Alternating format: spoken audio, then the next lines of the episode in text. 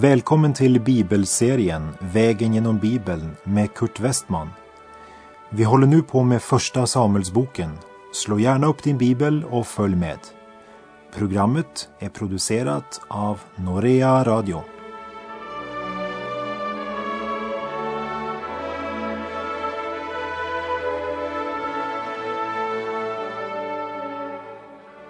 Vi har nu kommit till Första Samuelsbokens 27 kapitel. Vi avslutade förra programmet med att konstatera att Sauls och Davids vägar mer och mer går i varsin riktning. Kontrasten mellan Saul och David blir större och större. Med självbevarelsedriften och egoismen som drivkraft vandrar Saul allt längre in i mörkrets och skuggornas rike, medan David vandrar med Gud. Och fostrad av Gud genom tiden på flykt i öknen och i otillgängliga bergstrakter väljer David att överlämna sitt liv och sin framtid i Guds hand. Det betyder inte att David är syndfri vilket vi tydligt kommer att se i det här kapitlet. Men innan vi tar nästa steg tillsammans med David vill jag bara kort påminna om att även trosfadern Abraham hade en period i sitt liv då han vek av från Guds väg och plan. Detsamma hände med Isak och det hände också med Jakob.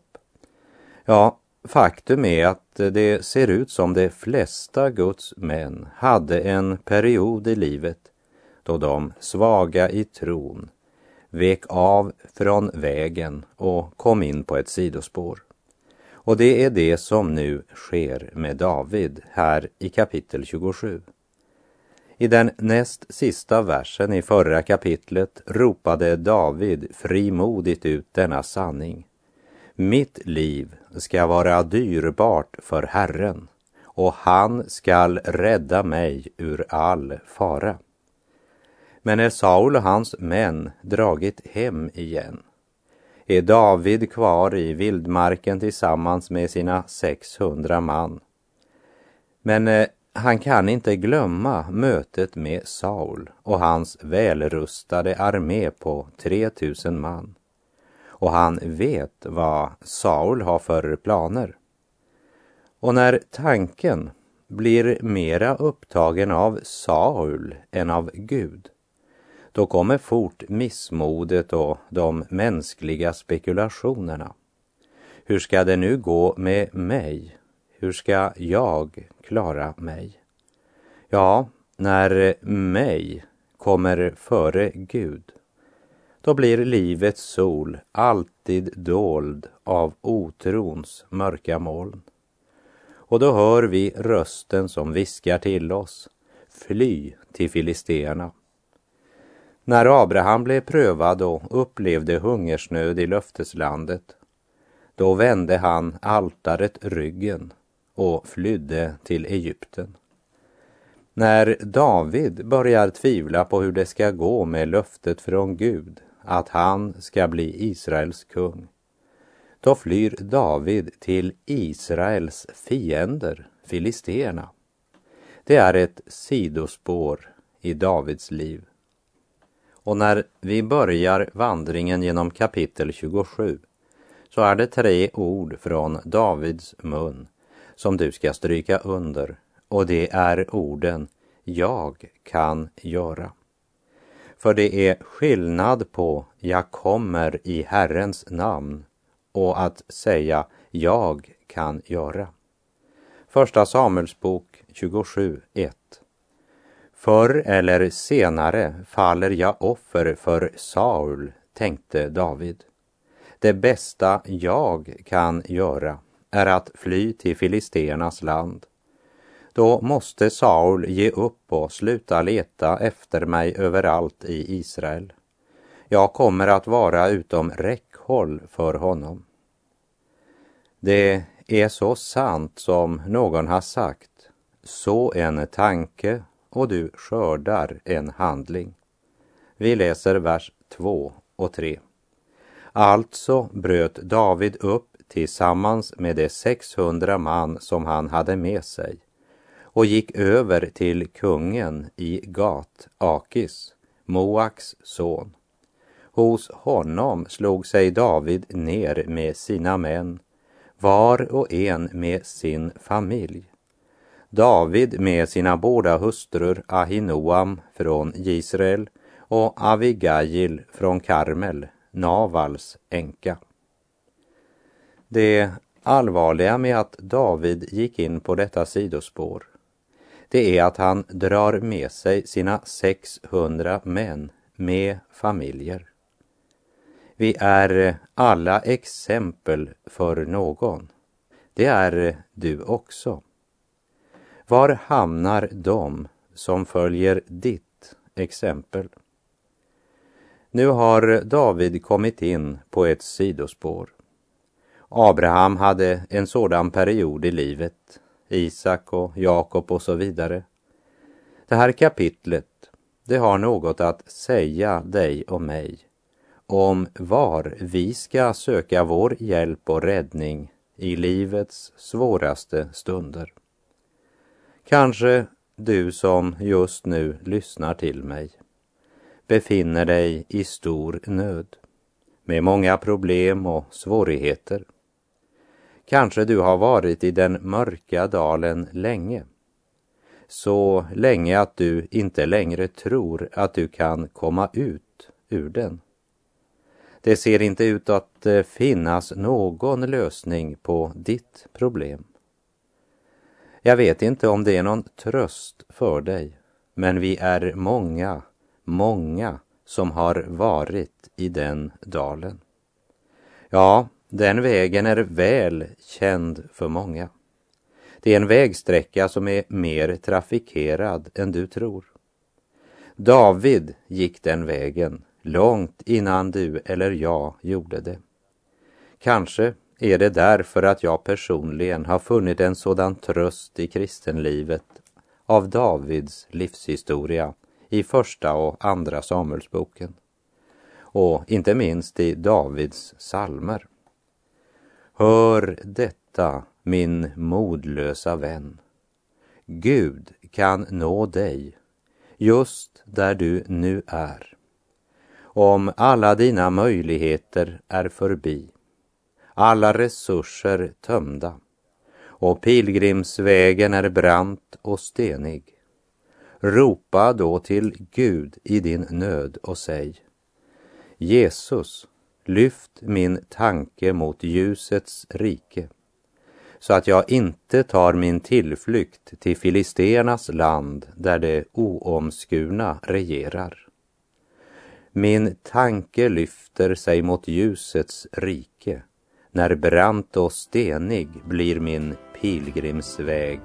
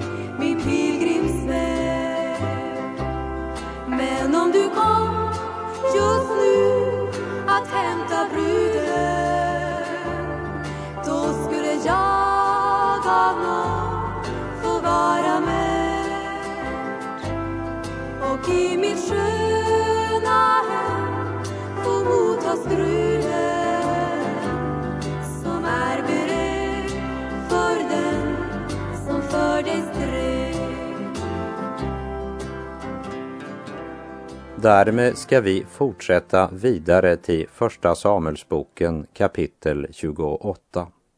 Och kapitel 28 bildar liksom en parentes i en eljest sammanhängande berättelse som fortsätter igen i kapitel 29. Kapitlet säger oss att Saul nu är så desperat att han faktiskt söker hjälp i spiritism. Trots att Saul själv på profeten Samuels order hade fördrivit alla slags andeskådare och spåmän från Israel. Och det kan se ut som om det goda Saul gjorde, det gjorde han mera av respekt och fruktan för profeten Samuel än av hjärtat och personlig överbevisning.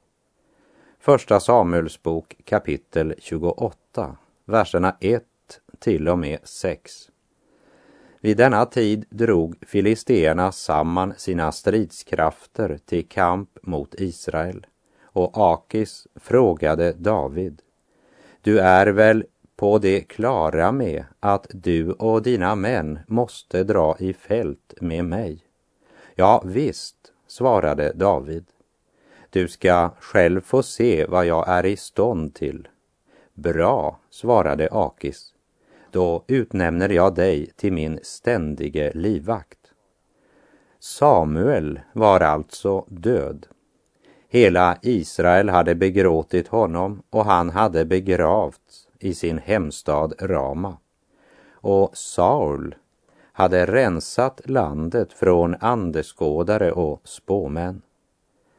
Filisteerna hade samlat sina styrkor och kommit till Sjunem och slagit läger där. Då bådade Saul upp folket och slog läger på Gilboa berg. När Saul såg filisteernas här blev han förfärad och i sin ängslan frågade han Herren vad han skulle göra. Men Herren svarade honom inte, vare sig genom drömmar eller orakel eller profeter. Saul söker inte Gud och hans vilja, bara Guds hjälp. Saul vill gärna ha Gud som sin hjälpare, men inte som sin Herre. I Jesaja 59, vers 1 och 2 står det Se, Herrens arm är inte för kort så han ej kan frälsa och hans öra är inte tillslutet så att han ej kan höra. Nej, det är era missgärningar som skiljer er och er Gud från varandra och era synder döljer hans ansikte för er så att han inte hör er. Saul lever och vandrar inte med Gud längre. Gud har tydligt sagt att Saul är förkastad av Gud som kung. Men Saul vill hellre kämpa för att behålla sin makt än att göra Guds vilja. Han söker inte Gud dagligen, bara när han är riktigt förfärad. Men Sauls synder döljer Guds ansikte. Gud hör honom inte. Men som vi sa, så är det inte Gud som är det viktiga för Saul. Han vill endast använda Gud för att få framgång och succé. Och ger inte Gud den hjälp han söker får han hellre försöka med spiritism. Vers 7. Då befallde Saul sina tjänare att leta reda på en andeskåderska som han kunde söka upp och rådfråga. Tjänarna talade då om att det fanns en sådan i Endor. När eh, Gud inte talar till Saul vänder han sig i desperation till Satan och häxan eller andeskåderskan som det kallas med ett finare ord, hon finns i Endor. Och det rör sig inte bara om inbildning, men om andemakter. Vi lever i en tid då vidskeplighet och religiös nyfikenhet florerar mera än någon gång tidigare. Och idag handlar det inte bara om andemaning, spiritism, men för många handlar det om direkt medveten satantillbedjan. Men eh, för folk flest är väl faran inte så överhängande att man medvetet ska hänge sig åt mörkrets makter. medan det däremot ligger nära till hands att ty till horoskop och läsa vad stjärnorna har att säga. Det är vidskeplighet och det är synd. Guds ord är mycket klart på den punkten och den som säger något annat, han ljuger. I femte Mosebok 18, verserna 9 till 14 står det när du kommer in i det land som Herren din Gud vill ge dig ska du inte lära dig att göra enligt hedningarnas styggelser.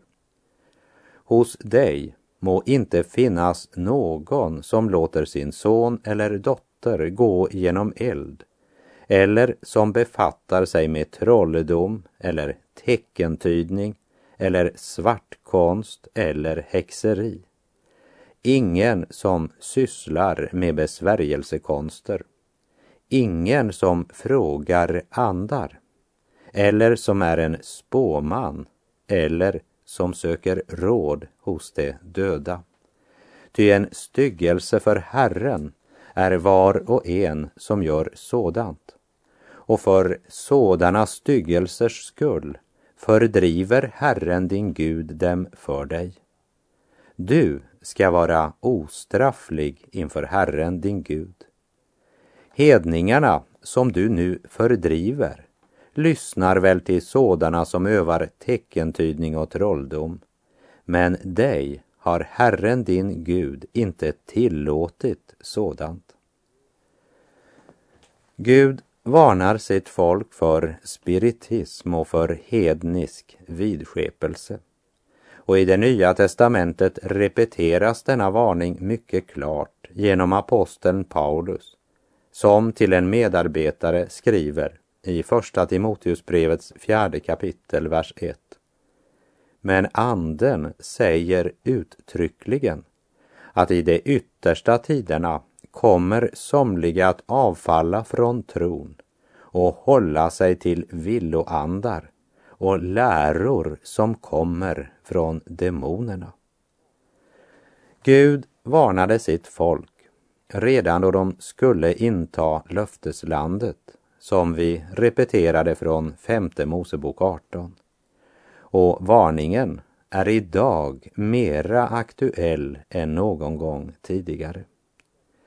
Därför ska vi be att Gud utrustar våra församlingar med gåvan att pröva andar och andlig visdom och kraft till att avslöja alla former för vidskeplighet, suggestion och religiös övertro.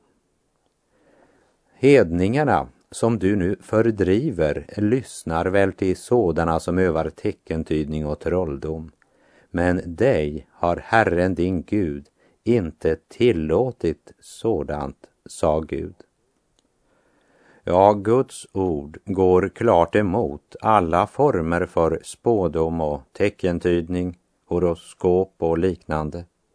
Och Gud har dömt nationer på grund av dessa synder.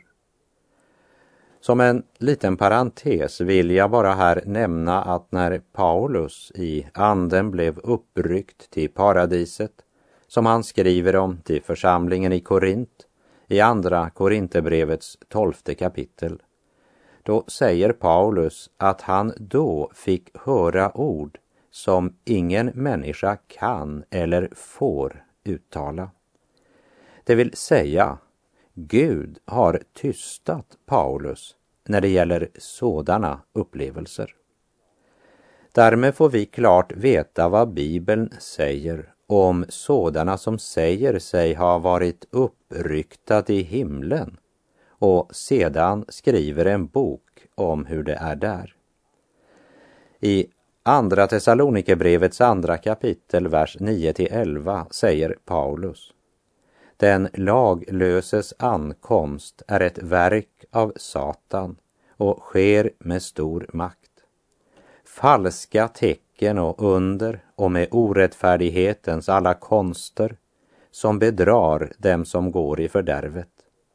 De har ju inte velat ta emot den kärlek till sanningen som kunde ha räddat dem Därför låter Gud villfarelsen få makt över dem så att de tror på lögnen. Låt oss tänka över den varningen som Bibeln ger oss inför den yttersta tiden. Med alla sina falska tecken och under och alla orättfärdighetens konster som verkar så fascinerande på det religiösa köttet.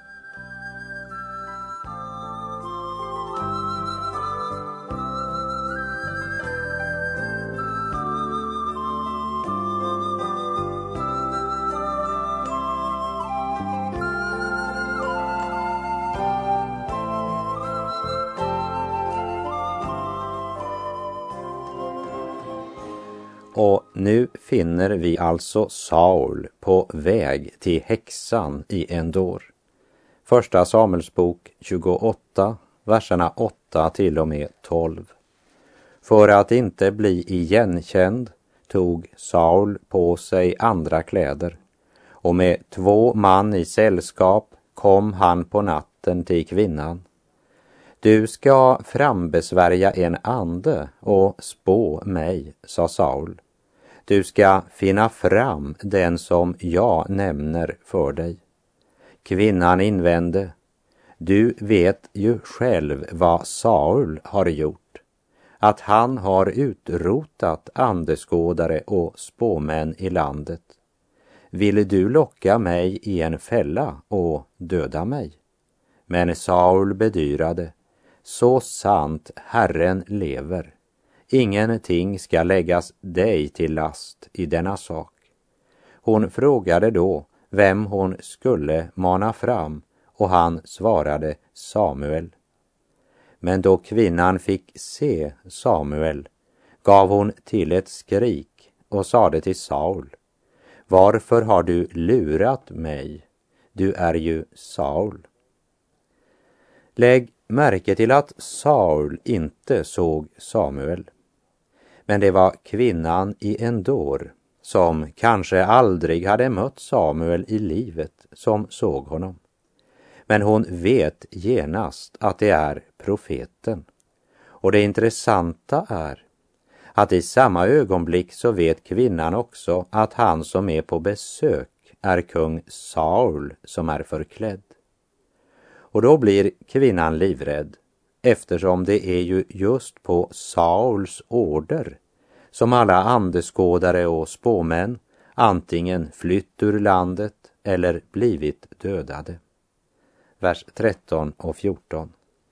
Kungen lugnade henne och frågade henne vad hon hade sett. Jag ser ett gudaväsen stiga upp ur jorden, sade kvinnan. Hur ser det ut? frågade Saul och hon svarade. Det är en gammal man och han är insvept i en mantel. Då förstod Saul att det var Samuel och han föll på knä med ansiktet mot marken och hälsade underdånigt. Den man som inte vill böja sig för Guds heliga vilja faller däremot villigt till jorden för några ord från en spiritist. För Saul hade inte sett något som helst. Han hade bara kvinnans ord att gå efter. Och egentligen var det inte så svårt att gissa sig till att det var Saul som var på besök. Ingen annan hade dristat sig till att fråga efter självaste profeten Samuel. Och alla visste att profeten var gammal och att det var profetmanteln som kännetecknade profeten. Så vem som helst kunde ha sagt, jag ser en gammal man insvept i en mantel. Men det som ändå talar för att det verkligen handlade om ett övernaturligt fenomen är att profeten Samuel vid detta tillfälle inte säger något annat än vad han tidigare sagt. Profetens tidigare ord blir endast stadfästa. Det är inget nytt som kommer fram. Saul får inte ett enda ord av ny information som inte profeten hade uttalat innan han dog. Gud har förkastat Saul och orsaken det är hans olydnad. Och det har präglat Saul och präglar honom helt in i det sista. Och nu försöker han ju att tvinga fram ett svar från Gud genom att gå på vägar som Gud så klart hade förbjudit i sitt ord. Allt profeten Samuel säger är att nu kommer det att ske. Det som profeten tidigare har proklamerat för Saul.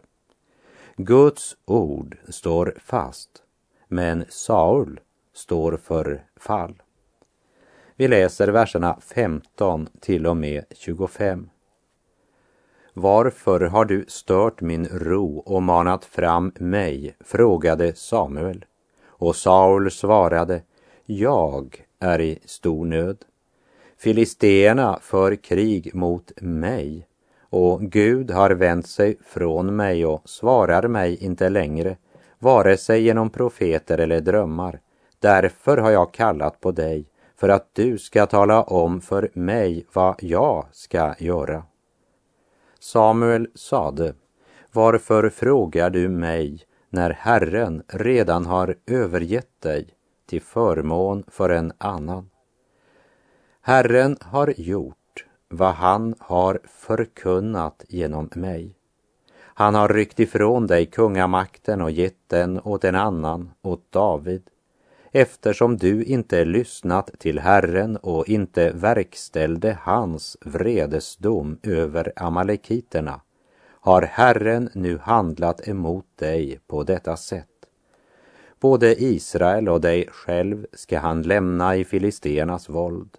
I morgon skall du och dina söner vara hos mig och även Israels här ska Herren utelämna åt filisteerna. I det ögonblicket föll Saul till marken i hela sin längd, skräckslagen av Samuels ord. Han var också fullkomligt utmattad eftersom han inte hade ätit på ett helt dygn. Kvinnan gick fram till honom och när hon såg hur förskräckt han var sade hon till honom Kom ihåg att jag gjorde som du ville. Jag satte livet på spel då jag lydde dig. Nu ber jag att du i din tur lyssnar på mig. Låt mig få sätta fram lite mat så att du kan styrka dig innan du går härifrån. Men han vägrade och ville inte äta. När inte bara kvinnan utan också hans följeslagare tiggde och bad gav han i alla fall efter. Han steg upp och satte sig på bädden. Kvinnan hade en gödkalv i huset och den slaktade hon i all hast. Sedan tog hon fram mjöl, gjorde en deg och bakade bröd. Hon satte fram för Saul och hans män och när de hade ätit bröt de upp och gick sin väg samma natt. Med de orden avslutas kapitel 28 och där är också vår tid ute för den här gången. I nästa program, när vi kommer till kapitel 29, ska vi ta upp tråden från kapitel 27 för att se vad som sker med David som sökte tillflykt hos Israels fiender, filisterna. På återhörande om du vill. Herren vare med dig må hans välsignelse vila över dig. Gud är god.